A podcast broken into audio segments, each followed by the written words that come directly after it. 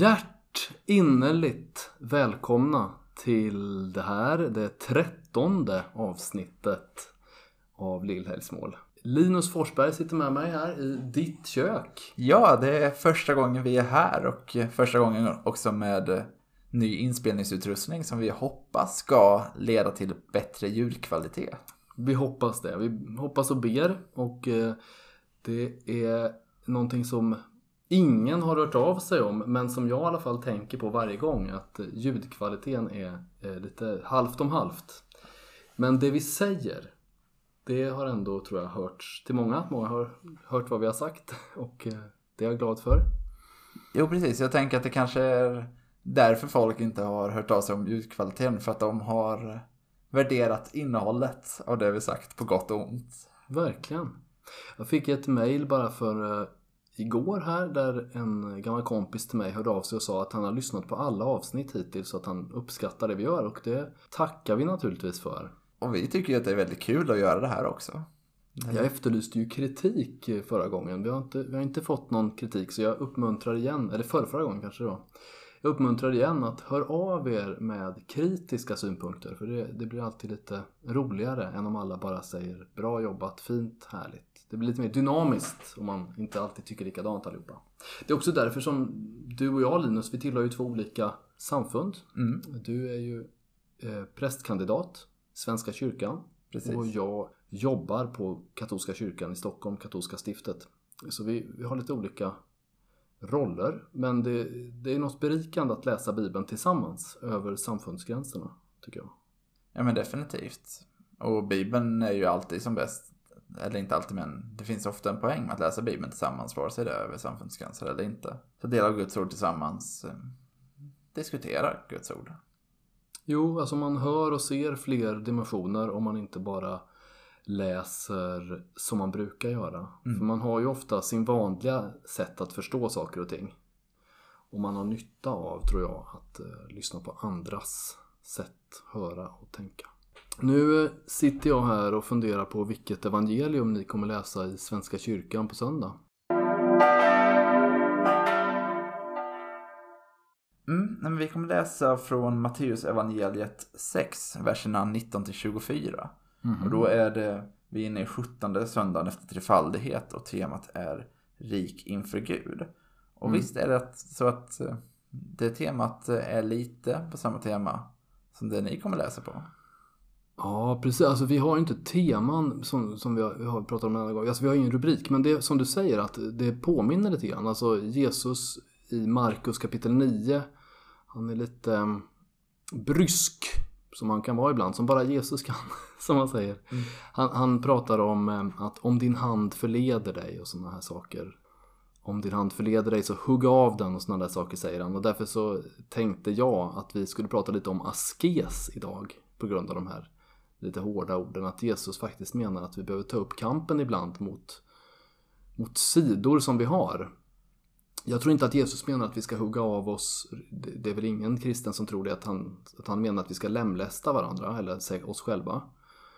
Men han menar nog ändå att vi ska fundera över vad våra dåliga vanor, dåliga beteenden, vad de gör med oss och om vi vill, om vi vill associera oss med dem eller om vi vill försöka liksom ta itu med dem på något sätt.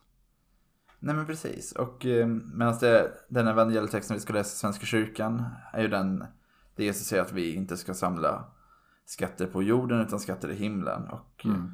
Då hade jag också tänkt komma in lite på hur vi lever våra liv och om vi behöver skära av någonting mm. för att leva rätt. Och då kände vi när vi kort stämde av inför det här samtalet att vi hade tänkt lite liknande fastän mm. vi har två olika texter. Ja, exakt. Så det här avsnittet tänker vi att vi testar helt enkelt att ge sig kast med båda texterna samtidigt. Mm. Så får vi se, kanske blir det här den där kritikpunkten som vi har ja. efterlyst. Att folk tyckte att nu blev det ostrukturerat. Och... Ja, ta tag i tangentborden nu då och hör av er med kritiska synpunkter.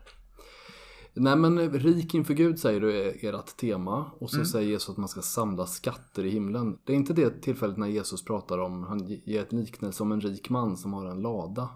Eh, nej, inte i den här. Nej.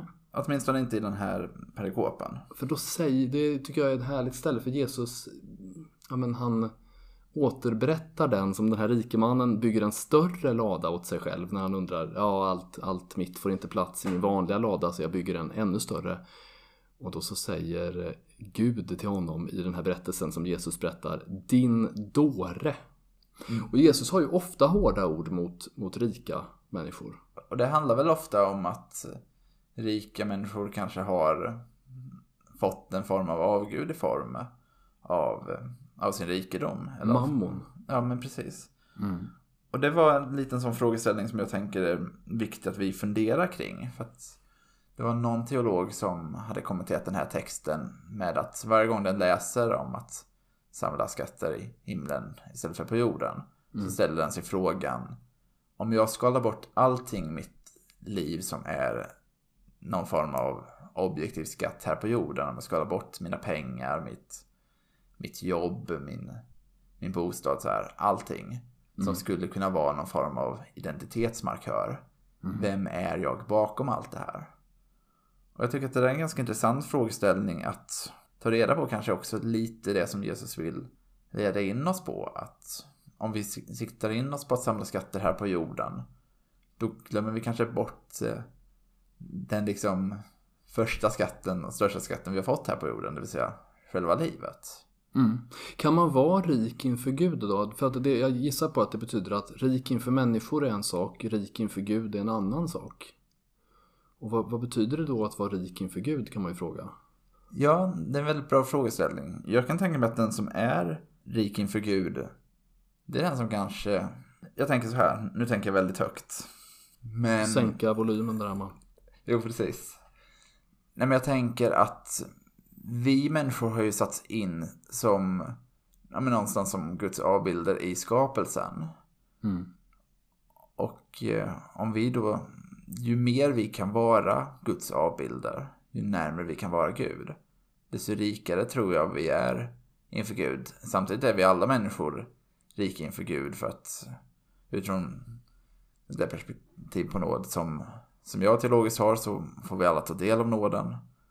Och Gud, mm. ja, Gud tar hand om oss alla.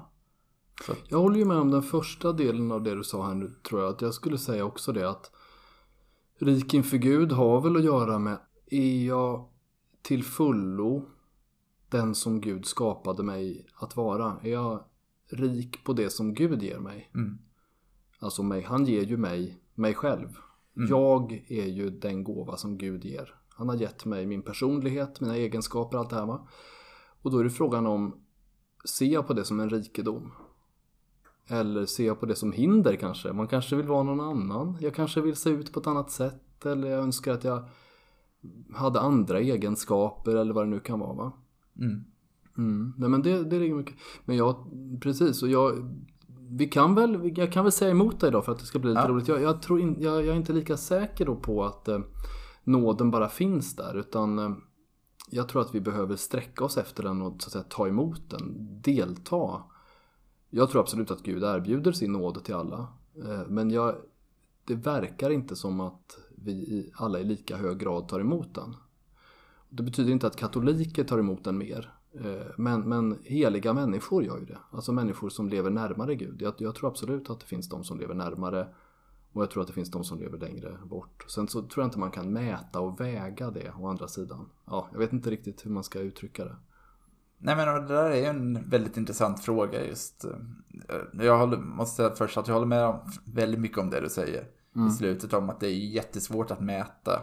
Mm. Ja, men mäta människors tro, mäta människors Guds relation. Ja. Och det där var en sån fråga som jag ofta fick tampas med mycket.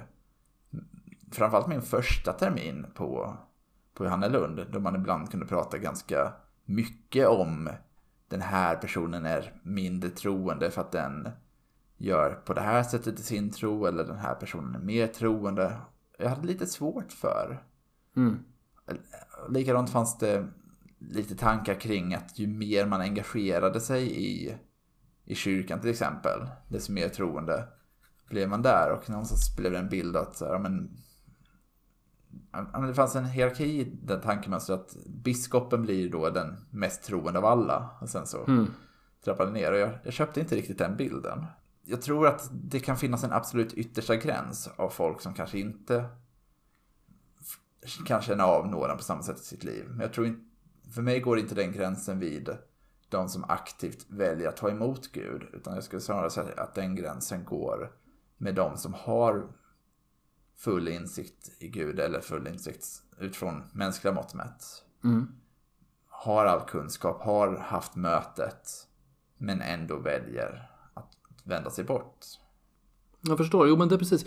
Och den, den dimensionen finns ju absolut. I, katolskt sammanhang pratar man om att när man döps så kommer man till nådens tillstånd. Det vill säga ett, ett tillstånd av så säga, andlig växt och möjlighet att närma sig himlen successivt. Eh, och det tillståndet förs man ut ur när man gör en allvarlig synd. Och då krävs det att man så att säga eh, återvänder aktivt genom att be om förlåtelse, bikta sig. Så, så skulle en katolik säga kanske. Men, men, men, men eh, sen, det, det, det var inte riktigt det jag egentligen tänkte på. För jag håller ju med dig om det. Eh, Eller så. Det jag tänkte snarare det är att nådens verk eh, vi behöver samarbeta med nåden. Så kan man säga. Alltså, på ett sätt kommer en ängel till var och en och säger Hej, vill du föda Guds son i världen? Precis som ängeln säger till Maria. Och sen är det liksom upp till oss. Vad vi gör av det. Vill jag att, att Jesus ska bli synlig och verklig i mitt liv? Ja, erbjudandet finns där. Hela tiden. Det är en Guds nåd i första steget att han erbjuder mig en uppgift, en möjlighet och han ger kraften också. Eh, han ger sina resurser. Alltså det är hans rikedomar. Det är de som, allt det han ger som är, som är så att säga kallelsen och eh, kraften att, att göra det goda. Det är hans nåd. Och min delaktighet i det är om jag tar emot det här och låter kraften flöda genom mig eller inte. För att jag tror att jag kan säga ja eller nej. Eller... Men det tror jag även en person som inte vet vem Gud är kan göra. En person som inte känner Gud eh, faktiskt. Jag tror att Gud, Gud erbjuder sin nåd. Det handlar inte så mycket om ord eh, alltid. Utan det handlar om hur vi lever och hur, vi, hur nära vi är oss själva. Så att vara rik inför Gud skulle jag säga då det handlar om att i den mån du har tagit emot de rikedomar som Gud ger dig. Och då handlar det inte om pengar så mycket då. utan om andra saker. Ja. Nej men precis. Men du hade lite tankar kring askes också. Ja, och det, det, hör ju, precis, det hör ju jättemycket ihop med det vi har pratat om. Alltså urskiljning. Vad, vad är rikedomar som jag inte ska samla på? Och vad är rikedomar jag ska samla på? Det finns ju en vacker bön som jag, som jag inte vet vem som har hittat på. Men den är så här. Gud, ge mig allt det som leder mig närmare dig. Och ta ifrån mig allt det som leder mig bort från dig. Och det är väl askesen det här, ta ifrån mig. Att jag, att jag blir medveten om att det finns liksom distraktioner. Thomas av Aquino som är en 1200-talsteolog, han säger så här, det finns några liksom generaldistraktioner eller frestelser eller liksom saker i människans liv som hon alltid måste brottas med. Det är pengar, det är makt och det är sex. De tre grejerna kan balla ur. Alltså pengar kan ju användas till massa bra saker, makt kan användas till bra saker. Sex är ju en förutsättning för att vi ger livet vidare. Men alla de här sakerna, vackra gåvor kan missbrukas och de kan bli till avgudar. Som du, du var ju inne på det också. Ehm, Så askesen handlar om efter urskiljningen att jag liksom faktiskt aktivt tar avstånd från någonting ibland. Att jag säger nej tack till någonting som jag tänker det här borde jag faktiskt avstå från. Och kanske någonting som är vardagligt. Vad tänker du när du hör ordet askes? Nej, men jag är nog inne mycket på ditt spår. Jag kan tänka att det kan både vara om man avstår från någonting. Jag kan också tänka mig att i... Nu kanske jag gör en ganska fri tolkning av det. Men att i ett sammanhang där man är med andra människor vara den som ser till att de andra Nej, man ser till att de andra får det bra före, före sig själv. Utan Mhm. man liksom offrar för mycket. Mm. Jag kan bara säga, ja men jättebanalt exempel. Men på min praktik i somras så hade vi någon samling där det var en stol för lite jämfört med alla vi som skulle samlas. Och då tar prästen direkt initiativ och säger, ja men då är jag den som sätter mig på golvet. Mhm. Jag kan tänka att det är också en typ av vardagsaskes skulle jag nästan vilja säga. Tycker du att det är någonting positivt med det? Eller tycker du att det blir liksom någon typ av nästan fariseiskt över det? Att man liksom vill visa för människorna att man är god. Eh, För det, den risken finns ju i, i det här också. Jag skulle säga att eh, då får vi återkomma till något vi sa för jätte- jättemånga avsnitt sen. Ja. Alltså, ja men kanske vad som är hjärtats uppsåt. Okej. Ja. Gör du det för att vinna välbehag? Eller gör du det Mm. för att det är det du känner dig ledd att göra? Nej men precis, och det, det är ju det där som är något av det svåraste av allt, den här urskiljningen. Mm. Eh, är, det här, är det här mitt eh, behov av att synas och höras? Alltså Jesus pratar ju också om det. Gör inte fromma övningar så att människor ser det, eh, pratar han om. Mm. Utan gå in på din kammare som vi var inne på för ett tag sedan här. Vi har varit inne på så mycket bra. Ja, vi har pratat om, ja verkligen. Här finns det mycket gott att hämta i den här podden kan jag säga för er som vill veta mer om livet. Och... För er som tillkommit lite senare som lyssnare så finns det guld även Ja, i... gå tillbaka och lyssna på de gamla avsnitten om ni orkar det. Om ni har en liksom kväll som är helt tom i schemat, då finns det. ehm, ja, nu kom jag av mig lite grann. Men Förlåt. jag kom... ja, det var säkert något jättebra som jag hade tänkt säga. Eh, Okej, Eh, konkret då.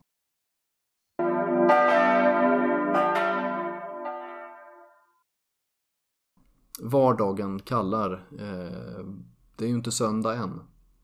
Hur tycker du man ska leva det här evangeliet? Att vara rik inför Gud, att inte samla skatter i himlen. Nej, men jag skulle nog säga att kanske fundera på vad är och vem är egentligen jag? Och fundera på, fundera på det, identifiera det.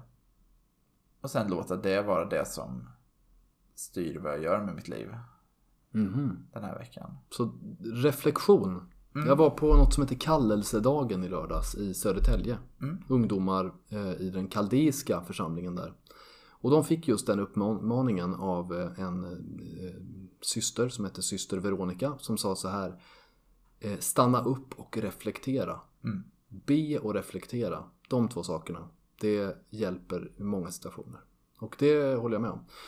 Eh, hur ska man leva mitt evangelium som vi katoliker har på söndag då? Alltså om att man ska skära av sig händer och ögon och sånt där. Jag, jag tänkte på Kanske har du någonting annat du kan skära bort i ditt liv. Det behöver inte vara just ögat eller handen den här gången utan du kan ta något annat. Alltså jag skulle uppmuntra dig som lyssnar nu att eh, vad finns det för vardagsaskes som du kan ägna dig åt? Finns det någonting du tänker på som du gillar som du kan avstå från den här veckan för att testa lite? Hur är det? Alla, alla som lyssnar på den här podden kommer inte bli munkar och nunnor, det förstår jag mycket väl. Men det kan vara värt ibland att prova lite grann. Eh, Jesus, det står ju om honom att han avstod från allt och antog en tjänares gestalt. Det är nyckel tycker jag, det, de, de orden. Vad kan vi avstå ifrån? Finns det någonting? Och kan det få vara någonting som bär frukt för någon annan? Den här prästen som du berättade om, Linus, han avstod från en sittplats.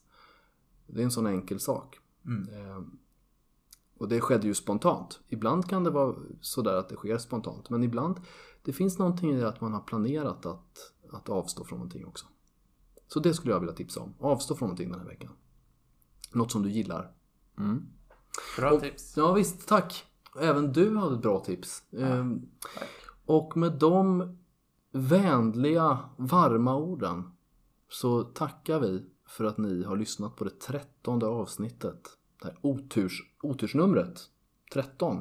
Mm. Fruktansvärt. Eller nej, ni kanske inte borde ha lyssnat. Stäng av. av avstå. Eh, tack ska du ha Linus. Tack Kim.